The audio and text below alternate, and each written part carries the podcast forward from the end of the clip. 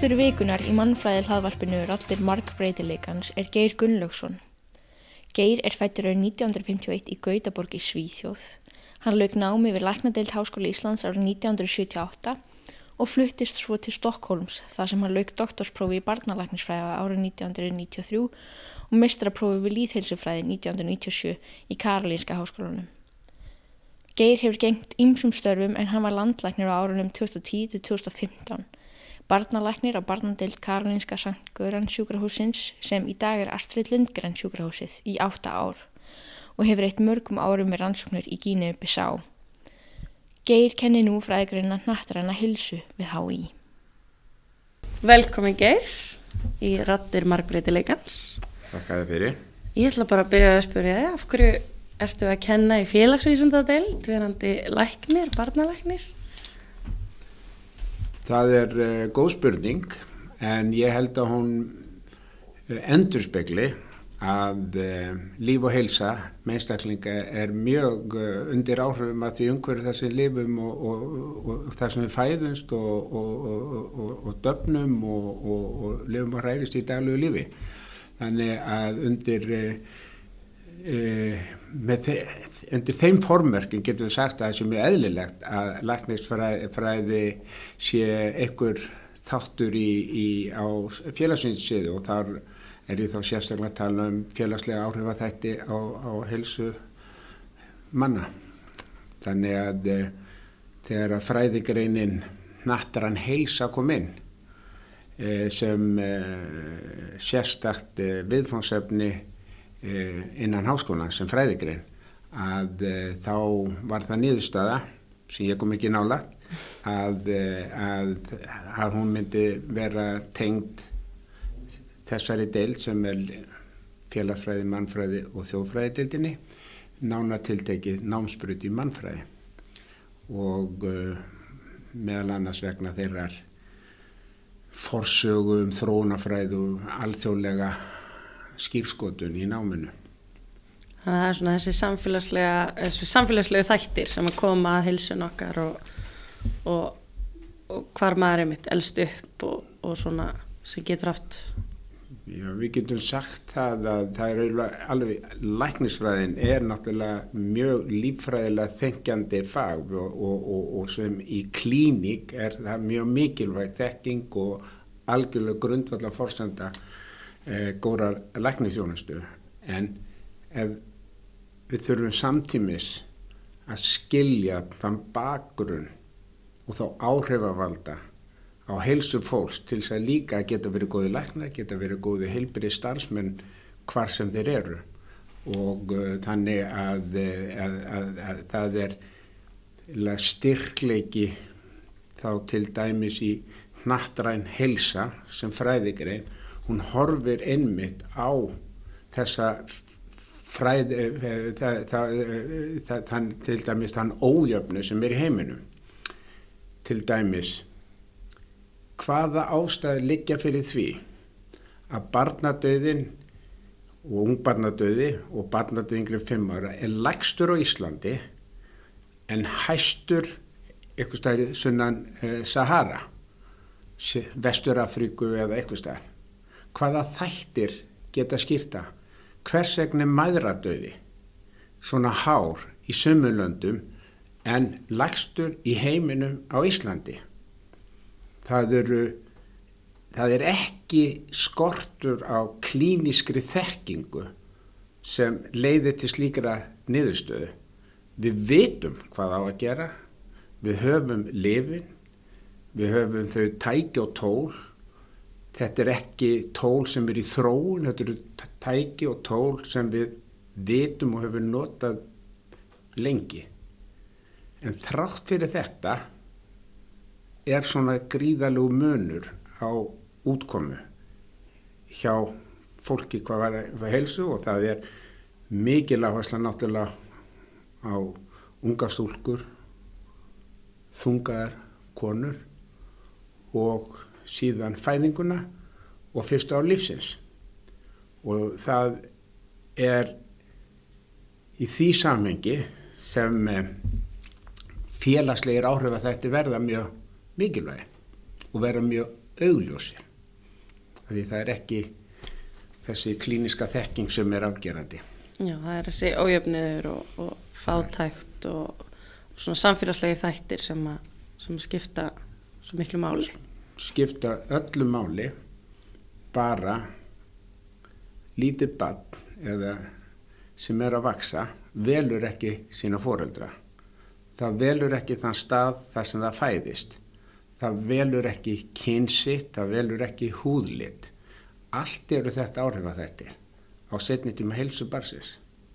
Og þetta er mikilvægt að setja í samhengi á nattrænu, á nattrænt, skilja þetta, þess vegna eru við að kenna, framkoma rannsóknir til þess að skilja betur þessa áhrifa þetta betur og, og finna leiðir til að reyna að jafna afstöðumunin og, og, og svo að, að, að, að kenna og uh, hafa uh, frjóa umræðu um þessi mál. Og þar eru heilbyrðiskerfa sjálfsögði fókus en ekki bara það heldur líka umhverfismál. Það eru samfélagslið þættir það eru verið fjallum vatn og umhverfi og fjalla um helsumæður og barna og fjalla um smittsjúdóma fjallum COVID ebúlu, kóleru mislinga sem við erum búin að gleima að eru stór orsök fyrir döðsföllum margra barna, allt og margra barna í heiminum að við erum búin að hafa bólefni gegn mislingum í ára tíu. Hvers vegna ná ekki út til meir en kannski 85% barna í heiminu með bólefni. Verða þá vöndun á bólefni í... Það er ekki vöndun á bólefnu. Þetta er ekki, það er, það er miklu freka það er erfitt að framkvama bólusetningar í fátakum löndum. Það er erfitt að ná út með bólefni til fjölda. Þar kemur að hluta til náttúrulega anstaða almenn við bólusetningar. Hún er augljóslega mikið umræðinni núna Já. og þar á, á það líka við í sambandi við mislinga en, en og hér á Íslandi tengist það MMR spröytunni og sem hefur verið mikið til umræðu og sem orsakavaldur einhverfu og, og, og sem er laungu búið að útskýra og kasta á, á rösslahaug sögunar en er samt lífseg og það er alls konar hugmyndir. Og svo er bara mjög erfitt erfitt, eh, erfiðar aðstæður mörgulegt og komast á bólöfni, það er regningatimir, engi vegir og svo framvið, þannig að þetta er gríðarlega flókið. Það er verið að takast núna sem er eitt svona nattarænt áttak sem hefur verið, það er að útrýma mænuvekinni og það, er, eh, það er, eh, hefur tekist hægt og bítandi að, að, að, að losna undan mænuveikinni. Póljó því miður er ímislegt sem bendir til þess að COVID faraldurinn munil leiða til þess að sá árangur sem við höfum þó náð munil leiða til þess að, að, að það verði afturkipur og að lönd sem voru laus við mænuveikina munu standa frammi fyrir þeim vanda enn og ný. Í fyrra var það Nígerja, síðastanlandið á meginlandi Afríku sem var uh, eh, líst póljó frít en það eru sagnir frá, eða hvort það var 1920 en það eru sem sagt sögur um að það sé fara að skjóta upp kollunum minna skæðunstofnum en samt en þá vandamál þannig að ekki alveg útrýmt eins og maður hefur viljað. Það er ekki ennþá útrýmt og það eru löndi eins og Afganistan og Pakistan sem hafa verið mjög í fókus þar vegna þess að gríðarlega erfitt að ná til allara í mest einangluð byggðu þessara landa, fjallahjörðum og svo framvegir. Um, þú eða mjög miklum tíma í Gínu Bissá við rannsóknir og, og, og annað, þú verið að uh, uh, leiðbina þróunar verkefnum og, og öðru um, hva, hvernig kom það til að leið þín lág til Gínu Bissá? Það eru náttúrulega margar skrítnar tilviljanir sem leiða til þess að Gína Bissá var svona pínlítið mitt annað föðurland, búin að vera tengdu landinu í fjóra áratí og uh, hef unni með það og með verkefni þar, búið og starfað þar í átta ár. Og síðan hef ég nánast á liðnum áratu verið þar nánast hver einast ári. Eitthvað samfélgdatíma eitt fór mánuði voru jafnvel lengur eftir því sem aðstæðar hafa gefist. En ástæð þess var almennt svo að þegar að, að ég var búinn að ferðast mikið í, í Mið-Ameríku, Mexiko og Mið-Ameríku og mig langaði þá á samt eiginkonni Jón Einastóttir sem mannfræðingur og professor hér við Háskóla Íslands að e, núna, en þá vorum við ung að þá langa okkur að, að skiptum gýr og fara yfir til Afríku. Og þá kom spænsku kunnátt að sér vel svo ég hvet alla nefnendu til að efla sér í tungumálum sem er góðu kostu góð, gott, gott að hafa í farangri. Að, að þá bauðst vinna í portugalsku mælandi ríki sem var Gínu Bissá og sem við tókum og ætluðum að vera þar tvo ár en þetta er orðið heldur lengra. En, en, en það var þar sem er líka skemmtilegt og marga nátt að hug, hug, hug, hugsa til þess að ég var þar bara, vann með börn þar og ég var út á öllum heilsugjastlustöðum höfuborgarinnar í, Bis, í Bissá höfuborginni, það voru sjö stykki. Og þar hitt ég nýfætt börn skoðaði börn þar komið bæði veik og börn og líka í forvarnastarfi. Og í því starfi sá ég meðal annars einstök tilvík af mænuveiki sem nú er horfin. e, í landinu. En ég þar sá það líka þar kom mikil e, þar var mikil umræða um það að konur í þessu landi Gínubisá væru ekki að gefa börnum sínum fyrstu Uh, mjölkina, það er brottin væru almennt með börnin lengja brjósti en þeir væru ekki að, að nýta sér þá, þá eigileika e, sem brotturinn hefur, kolosturum og, og það væru háð þjóðarnis hópi hverjir nýttu sér kolosturum eða brottin eða ekki. Og sumar jafnvel byðu í nokkra daga, tvær vikur með að, að gefa bæti sínu brjóst og þann tíma þá hoppar inn kannski sýstir eða vinkona sem er líka mjölkandi að, að, að hjálpa móðurinn yfir þetta tímabil. Það vakti áhuga minn sem uh, síðan hægt og bítandi leiti til þess að ég, að doktorsverkefni mitt varð í kringum brjóstakjöf og helsubarna og árið þess á lifun barna í Gínu Bissa, í, í, í þessu umhverju sem ég var þá. Að þetta var ansókn í, í mestu leiti í höfuborginu Bissa. Þannig að og það og það var þar sem ég komst í tengsl við fræðimenn frá Karolinska sjúkurúsin sem ég leti til þess að ég fór til Svíþjóður og Stokkóm þannig að marga tilvíljanir Marga tilvíljanir Þið hafi verið að vekja aðtegli á aðgengi til tækni eh, hjá ungmennum í Gínöfubissá og skólagöngu. Já, sko, er þetta, sko, þannig að fyrsti áfangi allir í rannsóknarvinni hjá okkur get ég sagt að það var um brjóstökju og helsu barna, ungra barna. Og þá kom Jónina, einkonan inn eh, með eh, sinn, eh, sinn þátt sem er kringum menningabundna hugmyndir.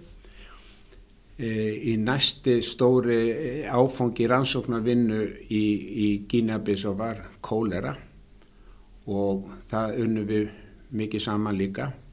Því kólera er lífsættulegu sjúdómur og dregur full hrausta einstakleika til dauð á, á alltaf nokkrum klukkustundum vegna vökotaps og við sáum þetta gera fyrir framann augun á okkur.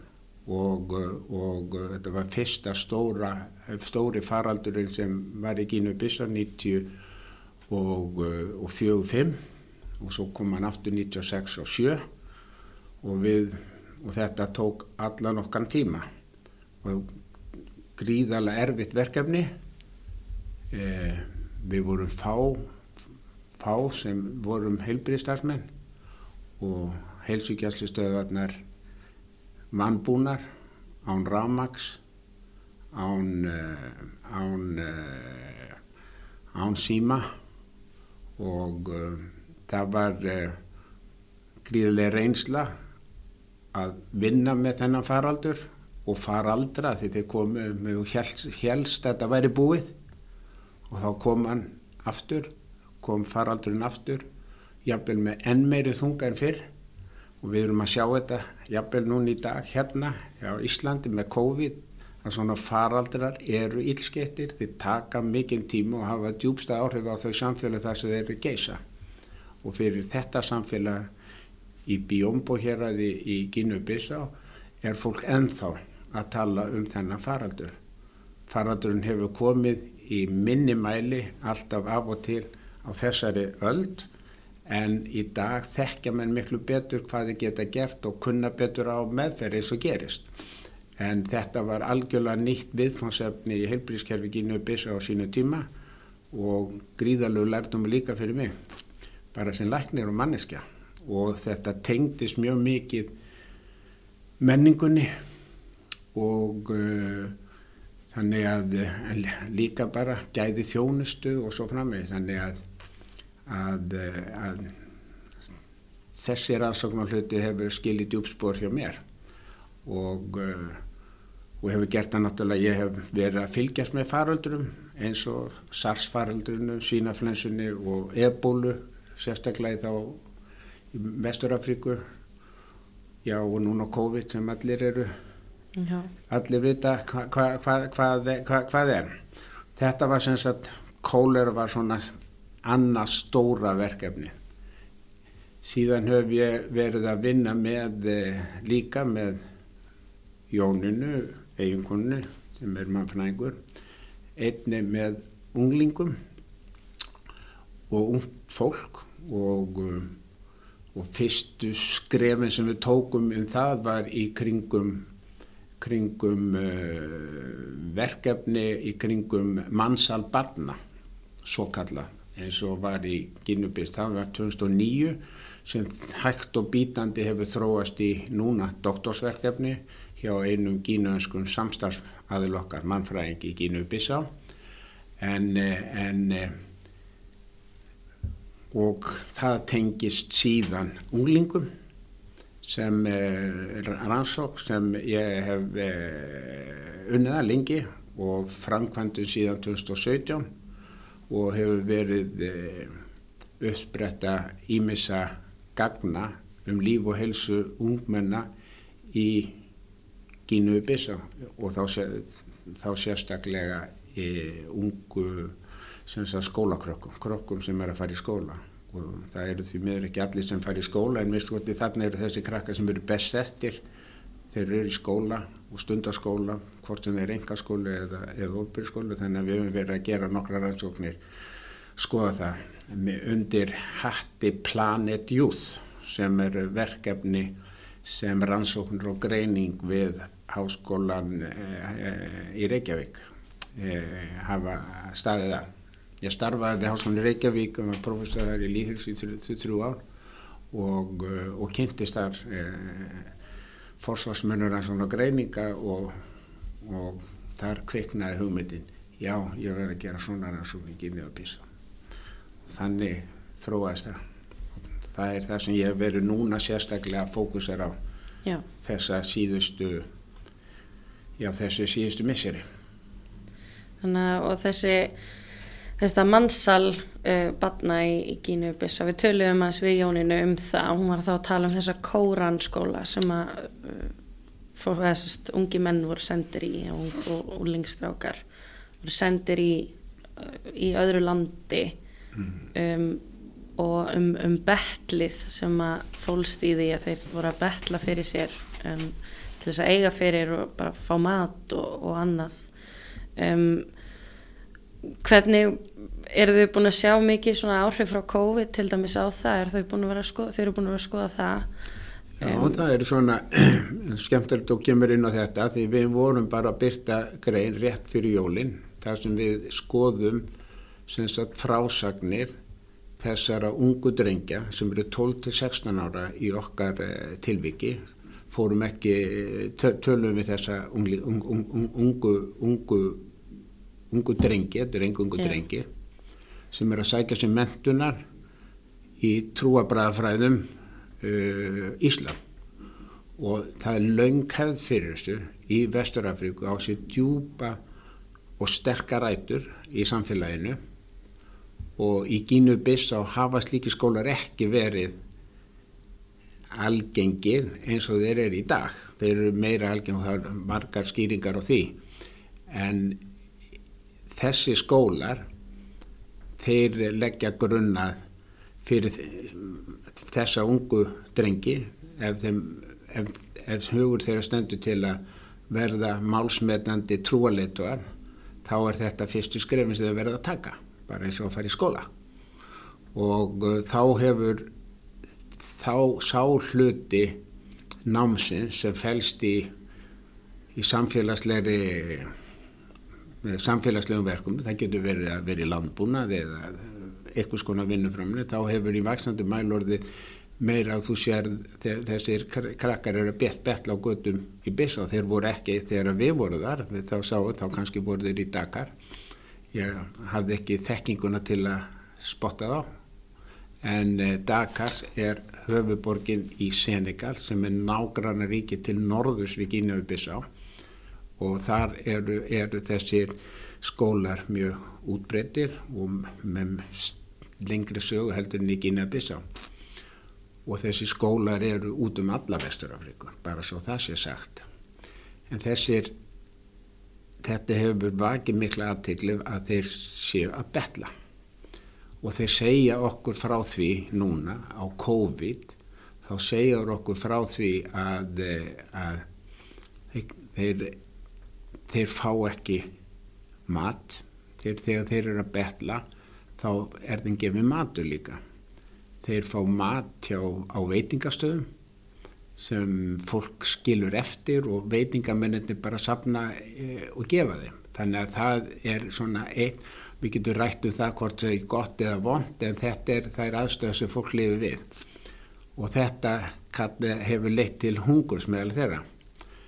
Þeir hafa líka fengið takmarkara rými við að fara út á gödunar vegna þess að það er útgöngubann og það leiði til þess að þeir get ekki uh, verið til dæmis á stoppistöðum flutningabíla og fleira sem eru hefðbundni staðir þar sem þeim, þeir fá og er gefi að því uh, hópar fólks styðja við þessa drengi. Þeir vita hvað þeir standa fyrir og þeir vilja leggja sitt á mörgum til að þeir nái að uppfylla drauma um um frama í, í íslenskum fræðum. Þannig að þeir lifa á þessu og þeir sjá það líka að þeir eru vegna útgöngubans að þeir verða fyrir meira ofbeldi af hálfu lauruglunar. Og svo eru þau líka, líka finna fyrir því, samtímis þeir eru hungraðir, eru minn út á gödnum, þá er Er, er, finnst þeir eiga erfitt með að stunda námið bara vegna þess að þeir ná ekki að einbytta sér nægilega vel. Þannig að COVID hefur haft veruleg áhrif á þeirra lífs skilirðu, lífskjör. Menn geta haft hvaða skoðun sem er á þessu fyrirbriði og það eru pólitískar stefnur sem vilja útrýma og, og, og losa sér við þetta og alþjóðleg samtök í e, líti á þetta sem e, mannsal og, og vinna því hörðum höndum að reyna að koma í veg fyrir þetta.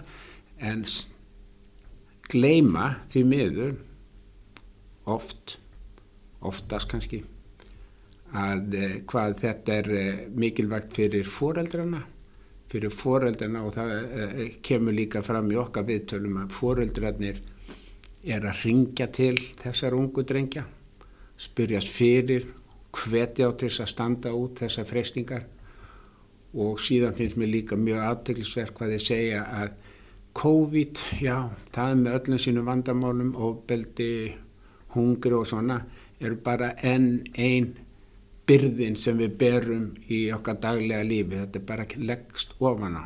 Og það minnir okkur á að COVID hefur ofinberað um allan heim gríðarlegan ójöfnuð.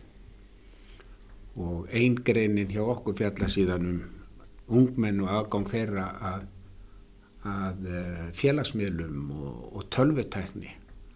Og það er náttúrulega þar hefur byrst mikill ójöfnur og, og, og það er eh, aðtiklisvert í þessu svo ég ljúki þessu með um, þessu ungu betlara eða ungu kóranskóla drengi að skólinn þeirra hjælt áfram.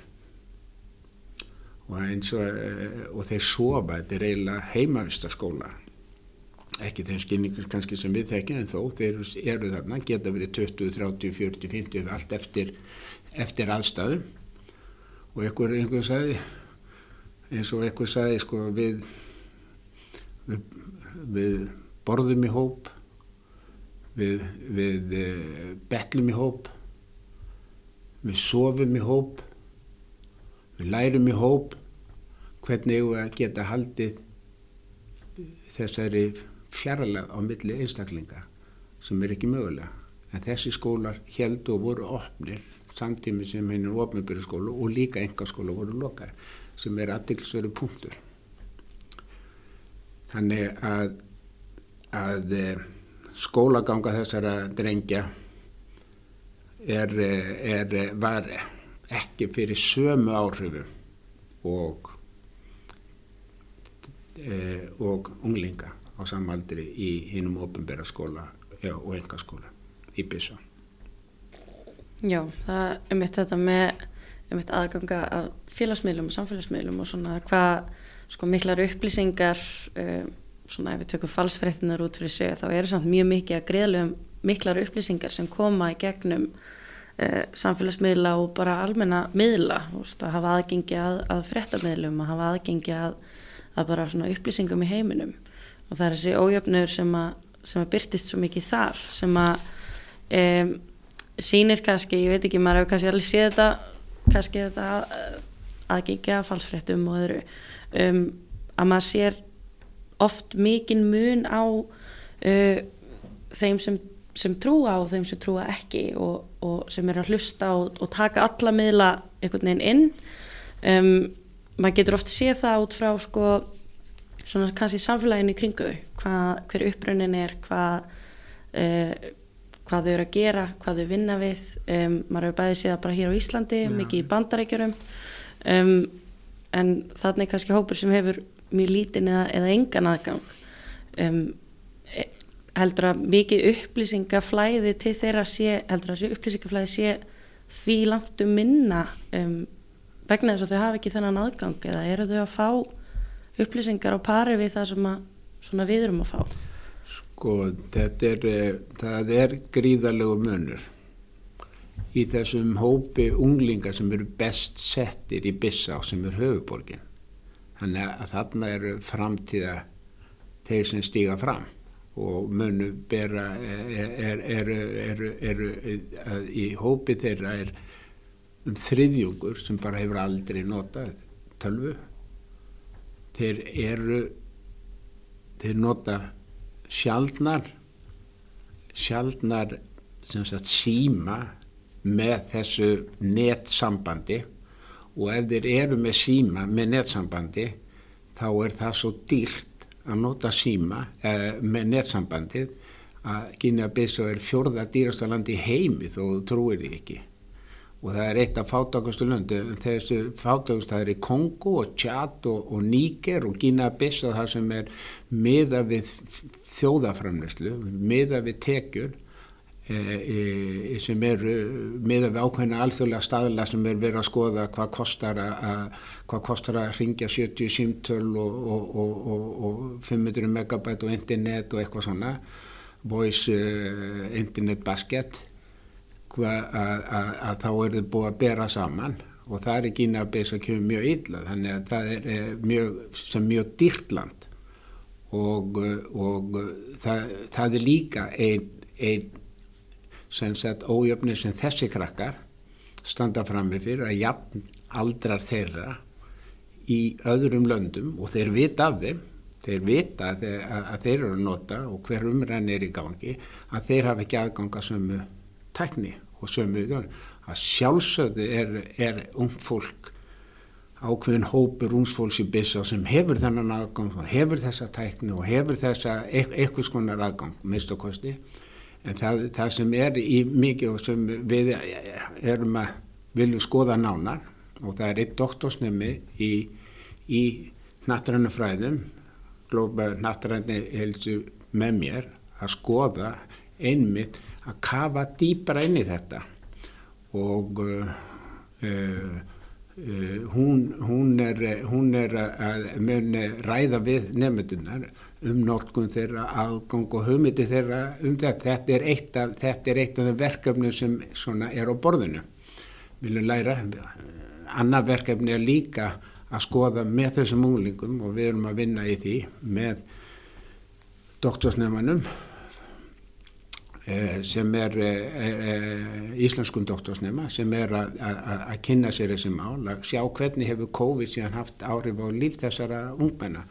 Og við erum einmitt að vinna í slíkum greinum núna að átt okkur á, á, á upplifinu þeirra hvernig það hefur. En það kemur í ljós að þær, þeir hafa ekki ágang á þessum uh, netmiðlum en þeir eru upplýstinn á eitthvað gegnum útvarp.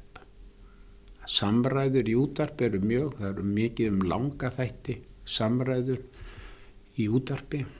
Þannig að menn, menn er að fylgjast með á eftir mörgum mismötulegum og síðan er einn aðtiklisverðu þáttur sem, sem kannski við áttum okkur ekki á. Og, og, og það er það að menn deila með sér síma þannig að þeir eiga bara uh, eiga, uh, deila símanum en eru með sitt símkort sjálfur og reyna að þannig að deila kostnaði og notkuna síma á milli sín. En uh, í því umhverfi sem ég er oftast í kínubissa í dag segi ég mikið af símum í kringum mig.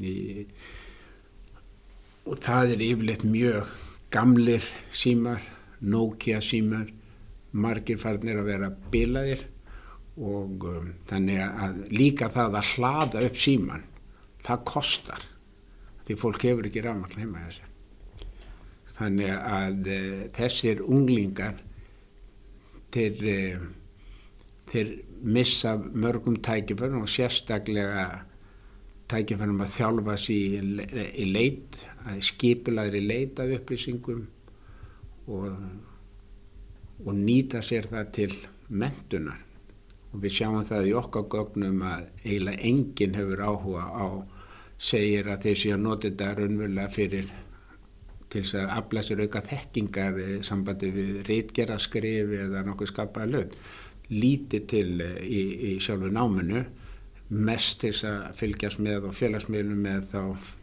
Facebookinni eða Instagram eða hvaða heitir sem er mest inni hverju sinni. Þannig að við erum sem sagt að við ætlum að taka þetta aðeins lengra og kafa aðeins betur inn í þetta að því það eru krakkar hann úti í þessu samfélagi sem kunna nota þetta meðan aðeins hafa lítinn eða engan aðgang og sá hópur er mjög stór. Já, og verður svona kannski einangraðri fyrir vikið. Já og bara ég held að við verðum að muna það að í, í aldursópurum 14 til 19 ára í löndu sunnan Afríkum eins og Gínubissa við erum að tala um uppbyndir fjórðung af all, öllum mannfjöldunum. Tveir þriðju íbúa Gínubissa eru yngri 25 ára og þetta er gríðalegt afl sem eh, þetta er ung þjóð.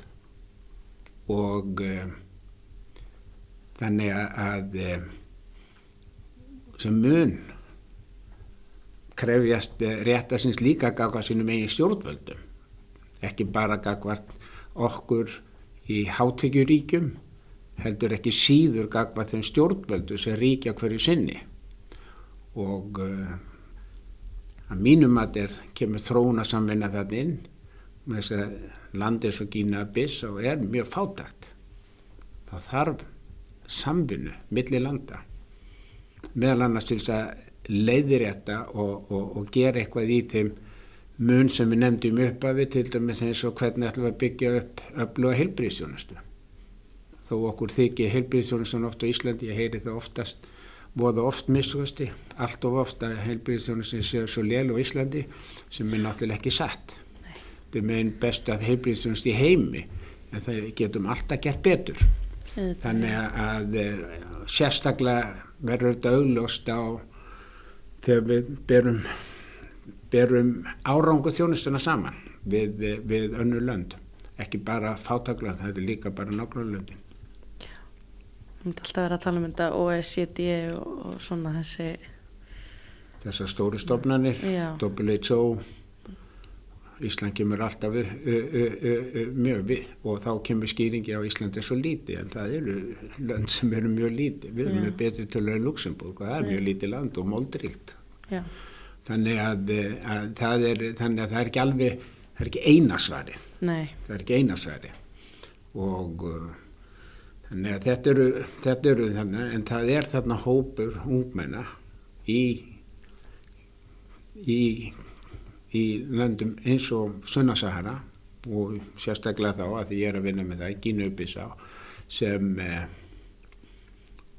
er eh, og kemur fram í viðtölum við um þetta þau gerir sem mjög vel grein fyrir því sem er að gerast og hafa mjög skýra hugmyndur um hvað þau langar til að gera og finnst núna finnst sér og framtíð sinni ógnað einhverju leiti með það að þeir fá ekki þau tækifæri til að ljúka skóla á þeim tíma sem það hefur hugsað því það er bara engin skóli.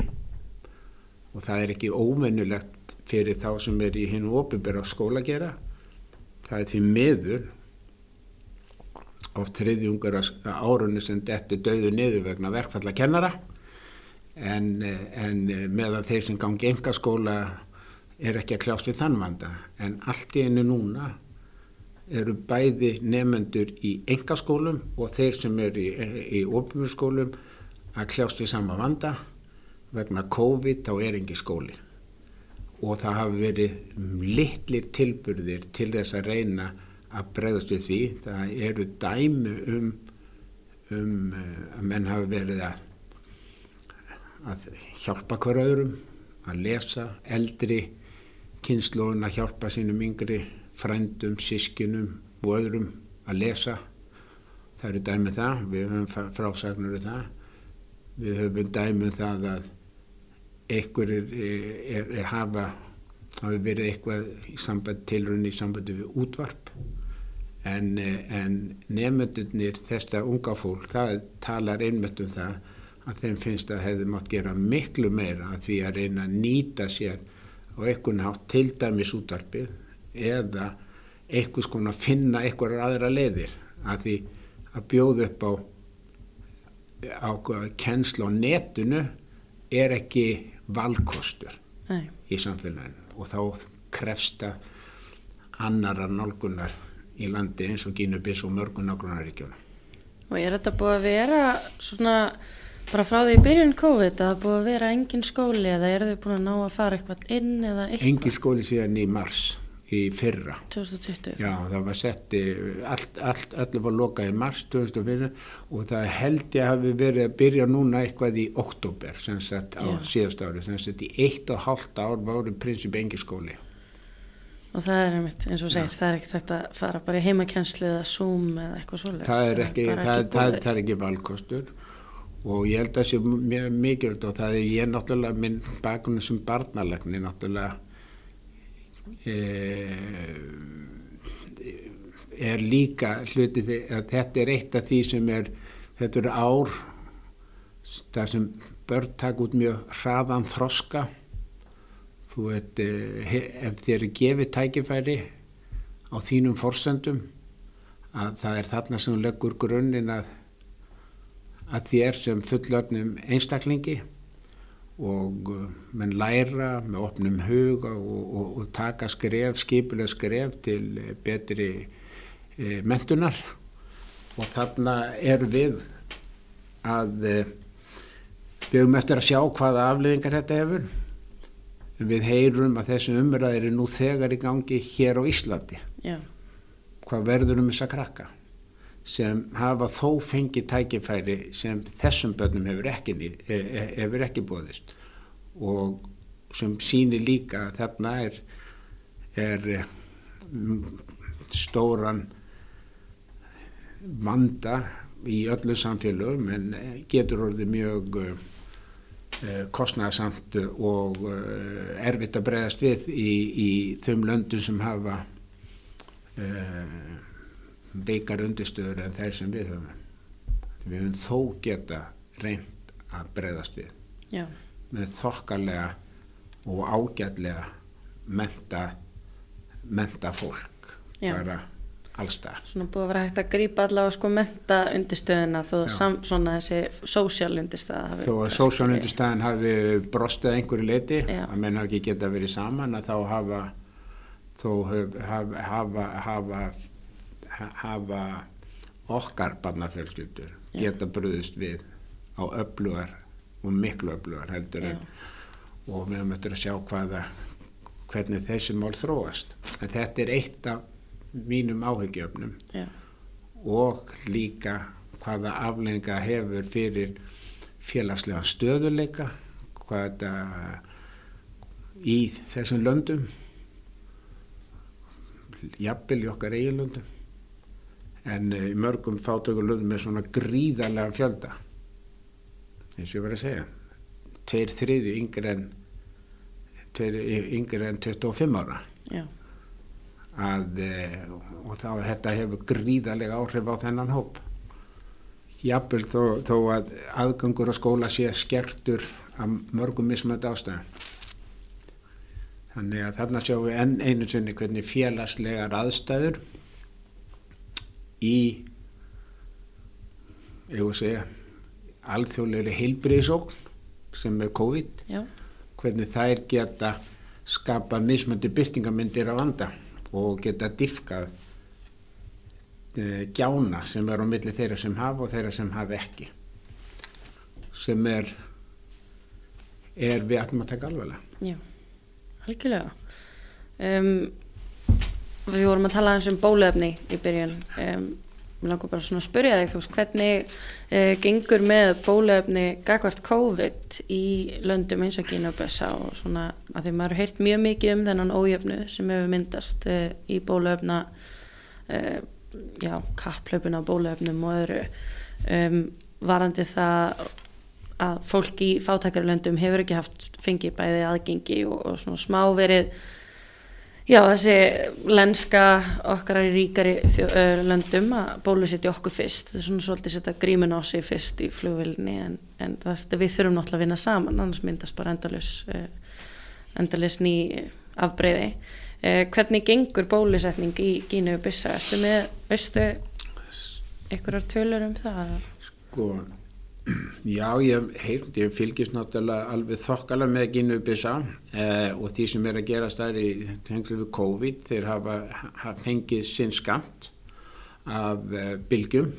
Og síðasta bylgjan eh, var síðastli höst en í Gínu Bissa sem er í Vesturafríku og vestuströndinni e, Suður Afrika þeir, þeir hafa ekki Suður sem er langt í burtu Já. þannig að það eru ekki með landamæra Suður Afriku en e, hvort sem það er vegna að þeir finna það ekki eða þá að það er ekki skráð að þá er þó minnst og kosti engar sagnir um það að faraldurinn sé á byllandi blussi þar eins og hann hefur verið hér. Hér finnum við nánast held ég bara öll hvernig fara, þessi faraldur sem var daldi fjarlægur fyrir marga menn þekkt ekki marga þegar maður meira fréttir í blöðum og svona þetta er nánast komið inn á hvert heimili, eitthvað staðar. Já.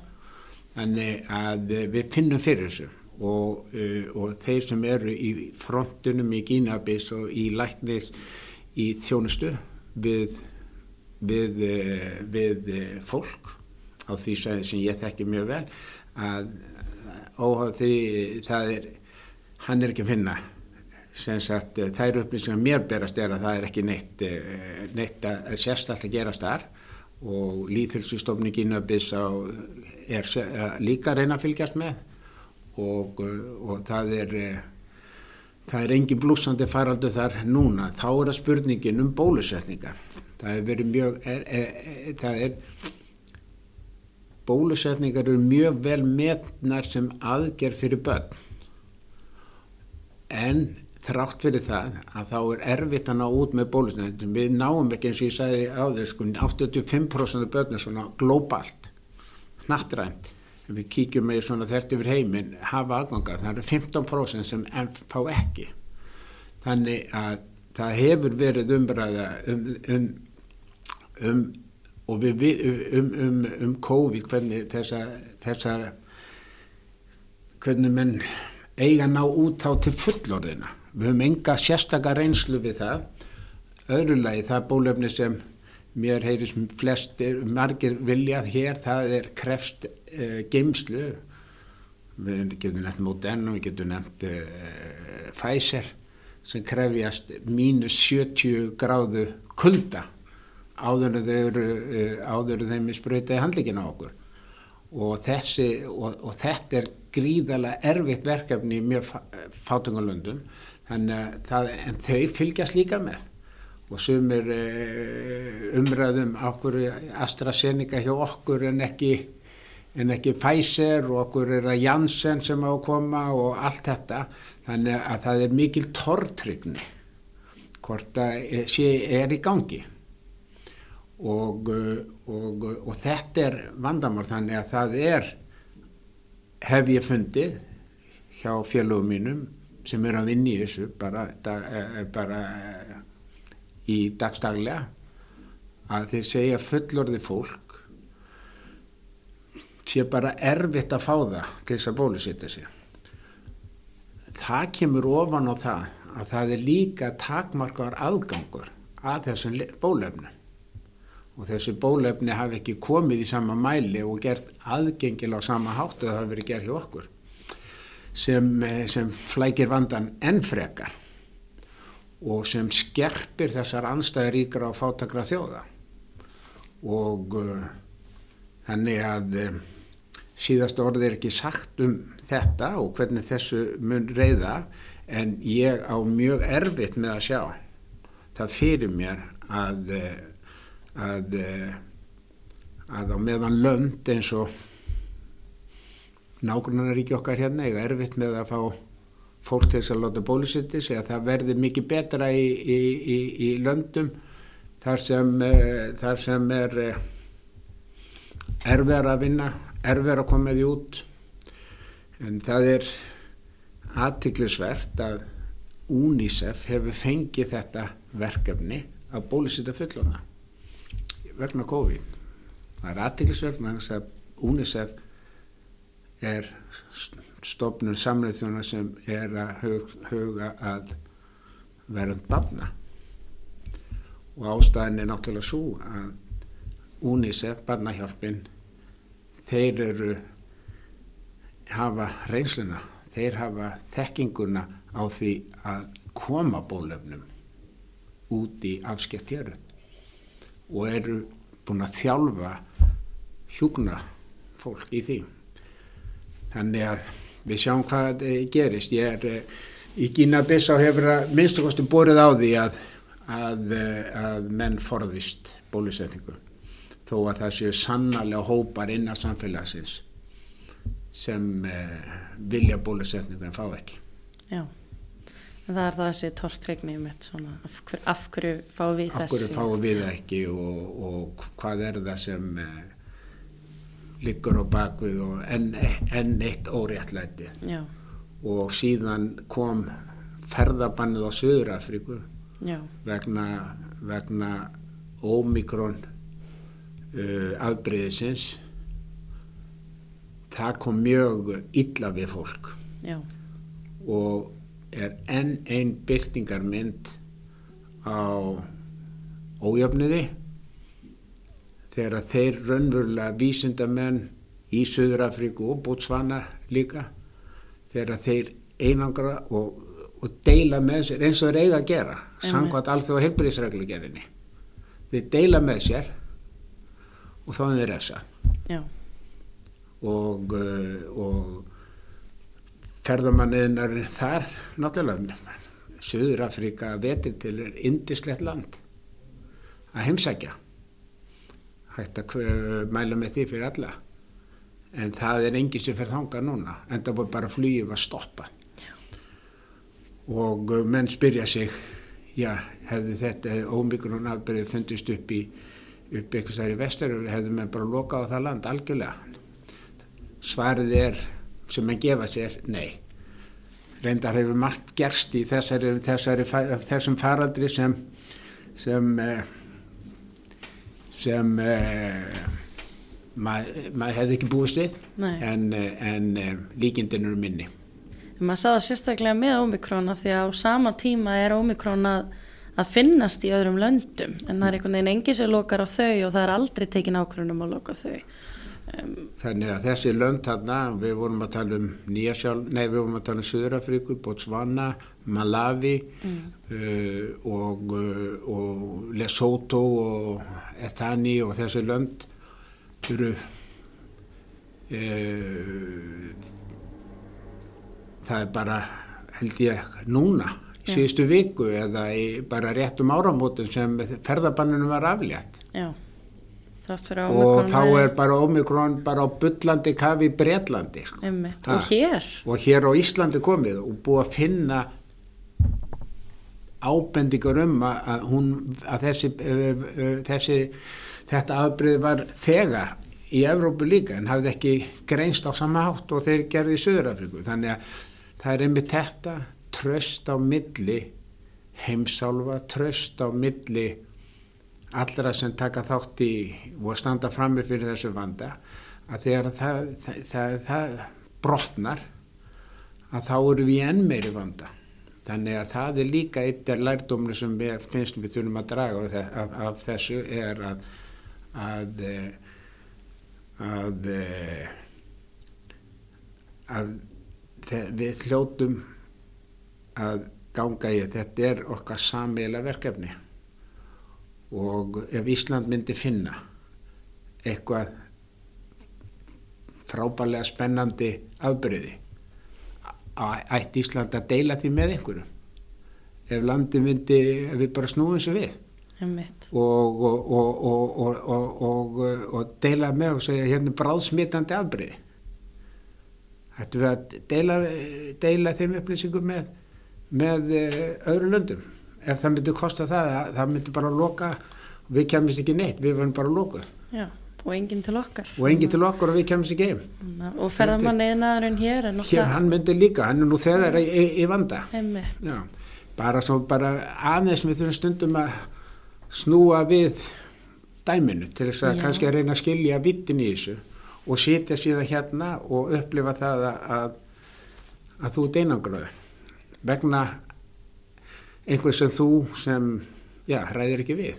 Þetta er faraldur sem er, er að ganga sína leið og eins og allir faraldara hafi í söglu sammyggi gert, þeim líkur vandin er hvenar. einmitt. Það er svona, eh, já, ég var það ung þegar SARS var en uh, mér skilst að hann hafi bara svona endað. Það var ekkert uh, já, það var ekki hann var náttúrulega aldrei á sama sko, leveli og, og, og COVID en hann svona bara kláraðist. Bara allt unnu hvaru já, mér fannst aðeinsveit ég hef verið í alltjólu samstarfi í kringum COVID og börn og fleira og það kom fram í einum, af ágætu samstafólki í Kanada að ef þú spyrir krakka sem voru uppi á þessum tíma um SARS, þið veit allt um SARS. Já, það var í Kanada Kanada var bara í rosalegu vanda með SARS faraldurinn. Og uh, og hérna á Íslandi ég myndi spyrja fólk, ung fólk um uh, SARS það veit vantalega ekkert um SARS. SARS var takmarkari dreifing en uh, hún náði sér ekki á flug hér en, uh, en það voru lönd eins og Kanada sem var í mjög erfiðu vanda vegna SARS sem er uh, afbreyði af korona svo að um, og það var mikil hræðsla líka hérna. Við, það var náttúrulega svínaflensan. Já. Hún var rosaleg. Já, ég man eftir henni Já, sko, sko, ég, við vitum meir um hana. Já, þar, var, þar voru við undir miklu álægi en allt innu bara hvar hún líka eða hún fór og hún hjaðnaði við stöndum frammi fyrir núna þessari þessari þessum vágjasti sem hefur verið hérna að herja okkur nánast í tvö ár. Já, og uh, en uh, við sjáum hvað, uh, hvað, hvað árið 22 gefur okkur í þessum efnum hvort við Já. sitjum hér að ári og ræðum COVID eða þá annarkvæmt í nútíða þáttíð við ættum að sjá til. Já, vonandi í þá tíð það, vonandi þáttíð það er svona draumurinn að maður nái að að svona komast út úr þessu. Það er kannski vonin að Omikron gæti verið lausnin já, sumir ta tala um það. En það er kannski skemmtilegt að segja frá því. Já, í þessu dyrir ég var með námskeið í nattrætni hilsu uh, í janúar uh, 20 20 það er að segja áður en COVID byrjaði. Já, og eitt af verkefnum okkar var að segja er, er eitthvað um nattræna heilsu í blöðum sem menn finna? Og við vorum við spottuðum strax þá, jú það var eitthvað skrítin sjúkdómur í Kína. Og ég hafði það fyrir venju í hverri einustu viku, janúar og februar að segja nýjustu tölur. Já, og við byrjum með nýjustu tölurnar voru janúar, ég bara 20. janúar voru 285 tilvik af koronaveiru sjúkdómi greint lang flest í Kína en eh, nokkur Suðukóru og Japan. Það var, það var pakkin og þegar við stöndum frammi fyrir svona tölum þá er erfitt að átta sig á því að þetta skuli verða einhver heimsfaraldur og að þetta skuli vera eitthvað sem muni snerta þig eða okkur.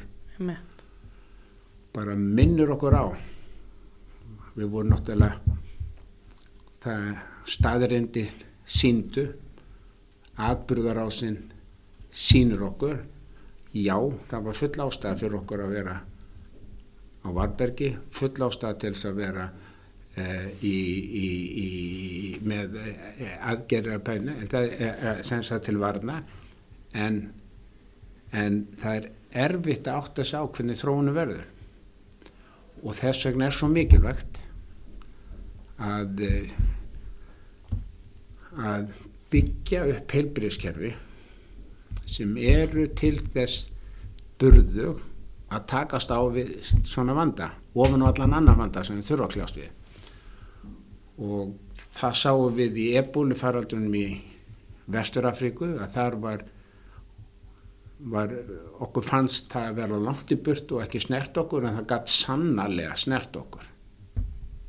Og, uh, og það var veit ekki hvort að menn átti að sé á því hversu mikill undurbúnisvinna fór fram hér á landi til þess að taka móti ekkurum ebólusjúklingi við erum að tala um anna, á þriðju hundra manns koma þeim undirbúningi þar sem að farið í gegnum allar viðbúnar áallanir og fleira, sótvarnalegnir, farsóttanendlan, spítalan, hvað þetta með, með, eh, meðhöndla og allt þetta. Öll svo vinna ofan á reynslu frá svínaflensunni, ofan á aðra reynslu. Öll svo vinna nýtti síðan í því að bregðast við þegar að koronu veira faraldurinn hóst á Íslandi bæði til undirbúnings og síðan þegar að hann kom og fyrstu tilvíkin tilfellin greindust.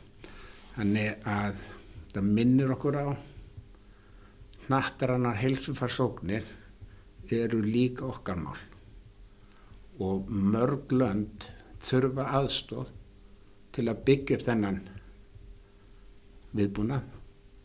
Ísland var ekki full og það vissum við, var ekki við, við vorum ekki með einangrunna deildir, við vorum ekki með allt sem þurfti í, í fullkomnu lægi þannig að eh, hundrað ástæði fyrir því en meðal annars það er að við höldum alltaf að þetta rettist Já. en e, það er það er mikilvægt að við látum okkur varða svona lítinn faraldur á einhverjum fugglamarkað í Kína eða að lítið drengur í fátakulandi í Vesturafrika eins og í þeim Gína Konakrí, nákvæmlega ekki Gínu Bissá, það sem ebúlu faraldurinn, hann var tveggjára strákurinn sem það sem upphafið af ebúlu faraldurinn byrja, tveggjára strákur með niðugang. Að við látum okkur þetta vara og að heilbríðskerfin séu viðbúin og séu undirbyggð með sterku, sterkri heilsugjastlu og síðan aðstöð til að bregðast í þeim sem er að mest veikin. Þannig að það er það sem nattræn heilsa og fræðigreinin nattræn heilsa er að ræðum og þennan ójöfnu sem er á milli landa í að margskona tægi sem gerur okkur öll óörgari. Já. Þess vegna er aukin jöfnur, millilanda og innanlanda eitt af stóru verkefnum 21. aldarinn. Því, því miður, og það er ótrúlegt að ójöfnurinn hafi aukist í miðjum faraldri, en það eru mörg teknu um það að þeir sem voru ríkari er orðið miklu ríkari samtími sem þeir sem höfðu minna hafa enn minna. Já. Þannig að þá tegist á skalanum og um, skapar hættu fyrir samfélagslega í óróleika vegna þess að ég held að allir eigi með sér þann draum að börnin þeirra fjölskyldu þeirra og vinir e, fáið þjónustu þegar þau þurfa hann að halda. Og þá er ég að tala um heilbríðstjónustu fá að gangi í skóla og fá að dafna þróskast á eigin, eigin fórsöndu og það er eitthvað samhælið um og ég hef aldrei fundið annað í þeim löndu sem ég hef verið og mikið í Gínabir, hef líka verið mikið í Malawi og þar hefur þetta, þetta líka sama. Alltaf þegar einhver verður veikur þá er það samfélagslegt verkefni innan fjölskyldan bara hreinlega að bjarga því sem bjarga verður. Og og og það er eitt af þessum verkefni sem við ræðum um í nattræði helsu og er eitt af yfirlistu markmiðum heimsmarkmiðana að komi veg fyrir að fólk verði fyrir því sem kalla, kalla er gigantíf eða katastrófík kostnaður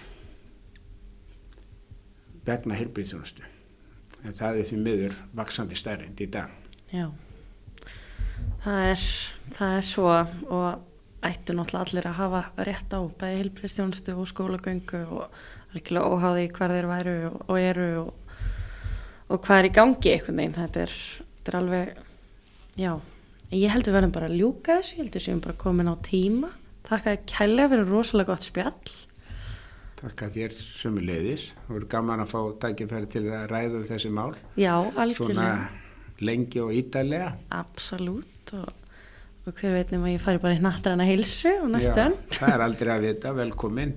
Hvet alla, alla sem hefa, hafa möguleikan Já. að, uh, og þetta er ekki bara fyrir þá sem er í heilbyrðismálum, heldur er, er þetta nám fyrir þetta þverfræðilegt nám. Allir eru velkomni. Frábært. Takk fyrir.